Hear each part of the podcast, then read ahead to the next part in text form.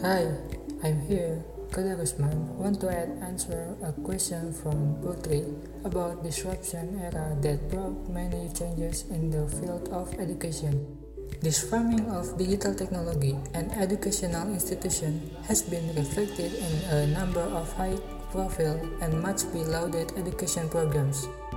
For instance, while ostensibly relying on national school system as its main distribution, Nicolas Negroponte's One Laptop Per Child program is built around explicitly anti-institutional discourses through the production of low-cost, low-specification, but highly durable personal computing device that can be handed over the children and young people around the world.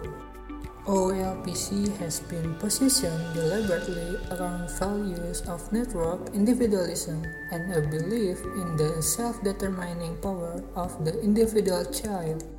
This sentiment was certainly evident in Negroponte's proposal at the Social Innovation Summit in New York for a mass airdrop of tablet computer into remote villages from helicopter. As such, OLPC has been conceived and executed as an educator-free model of learning.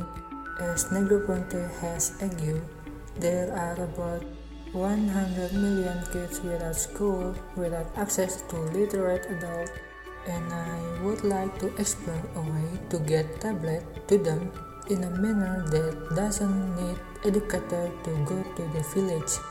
So, with digital disruption can big effect to educational such as ease of learning in the presence of a tablet or a smartphone. That's my opinion. Thank you.